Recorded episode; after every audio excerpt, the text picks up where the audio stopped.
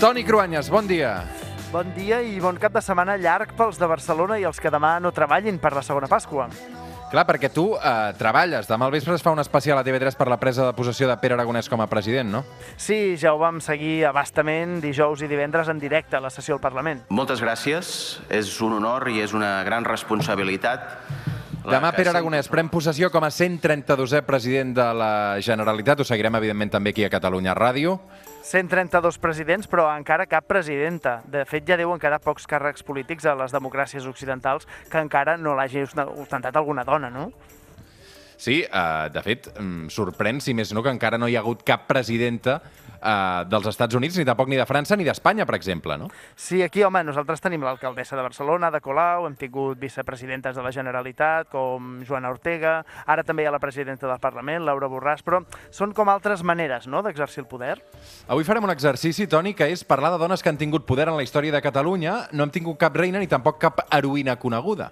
No gens. De fet, eh, hem d'anar fins fa mil anys per trobar la protagonista d'avui. A l'alta edat mitjana hi va haver una dona que va manar molt. És clar que llavors no hi havia ni presidents, ni de fet, de fet no podríem ni parlar de Catalunya en els termes actuals, però qui més va manar als comtats de Barcelona, Girona i Osona durant uns 60 anys va ser Ermessenda de Carcassona. Això és Joc de Trons. Eh, Armacenda no sé si ens l'hem d'imaginar com una mena de Daenerys, la mare dels dragons de, de la sèrie. A veure, no va lluitar mai ni amb espases ni amb dracs. Eh, En canvi, sí que movia els fils del poder per darrere.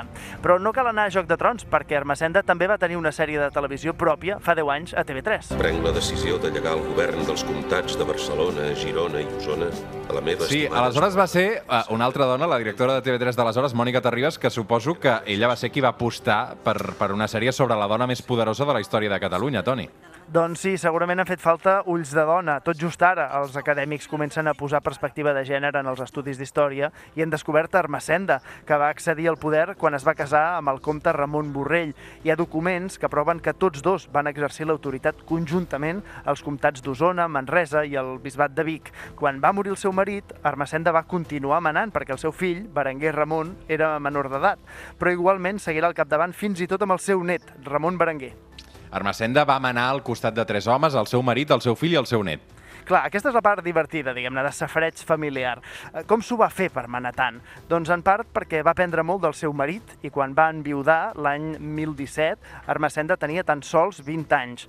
Amb el seu fill petit, ella va ser qui va heretar el poder com a usufructuària. Es va enfortir molt perquè els seus rivals van pensar que podrien aprofitar la feblesa que significava tenir una dona al capdavant del casal de Barcelona. Sí, aquells comtats, Toni, eh, no estaven unificats, no eren un país tal com l'entenem ara, no?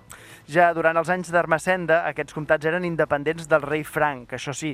Seria, en podríem dir, la Catalunya primigènia, i qui tenia més poder era la nissaga del Casal de Barcelona, que eren Ermessenda i els seus descendents. Li va tocar viure una època de molts canvis. De fet, al voltant de l'any 1000 es va viure a tota Europa el que es coneix com la Revolució Feudal. En aquell moment les lleis donaven poder a l'Església, als comtes, als reis... Però en aquells anys els petits propietaris feudals van anar guanyant força. Segons com podríem dir que va ser un endarreriment, perquè les lleis godes tenien una certa lògica de justícia. S'havia aplicat durant segles des d'Alemanya fins a la Gàlia. S'assemblava una mica al dret romà. Hi havia una autoritat pública de qui impartia justícia, fos un comte o fos un bisbe.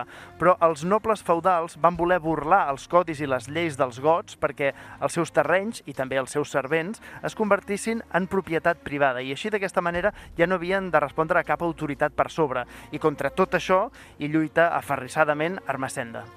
Així l'Armacenda era una, una lluitadora per la justícia, d'alguna manera, Toni.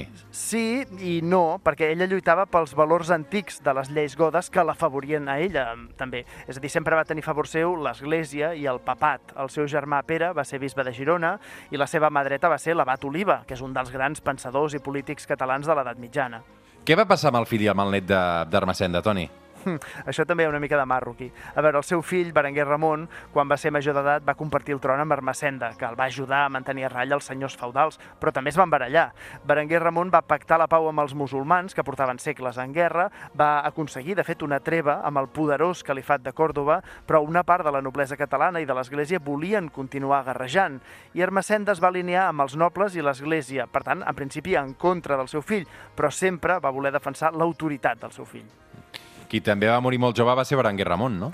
Una altra vegada, Ermessenda va ser regenta amb el seu net, que era menor d'edat, es deia Ramon Berenguer, eh? però com a pare, però a l'inrevés, de Berenguer Ramon a Ramon Berenguer, però també s'hi va tornar a barallar quan va ser més gran, en part perquè ella s'havia retirat ja a Girona, ja era gran, però volia mantenir el poder complet als comtats de Girona i Osona, i en canvi, Berenguer Ramon volia controlar-los tots des de Barcelona. Love is in the air, every sight and every sound. I aquí al mig, per fer-ho de pel·lícula, ens topem amb una història d'amor.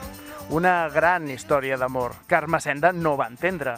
I és que Ramon Berenguer, que ja estava casat, va embogir d'amor per una dona de gran bellesa, de gran carisma, el Modis de la Marca. Ella sembla que també se'n va enamorar, però és que el Modis ja estava casada, ni més ni menys, que amb un home molt poderós, el senyor de Tolosa de Llenguadoc. Així que Ramon Berenguer la va segrestar i se la van portar cap a Barcelona.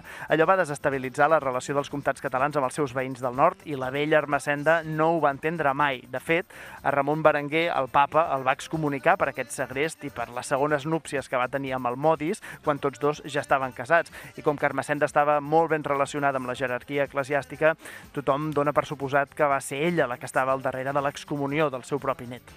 Com acaba la història d'Ermessenda, Toni?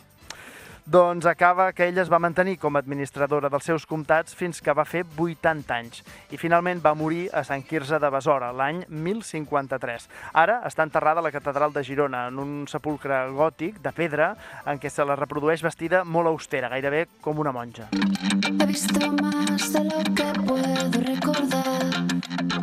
Recuerdo más Avui amb el Toni Cruanyes la història d'Ermessenda, una de les grans dones poderoses que hi ha hagut en aquest país. Amb aquesta altra història d'amor arribem a les 9 del matí, aquesta cançó és de la Bien Querida, es diu Tu conmigo.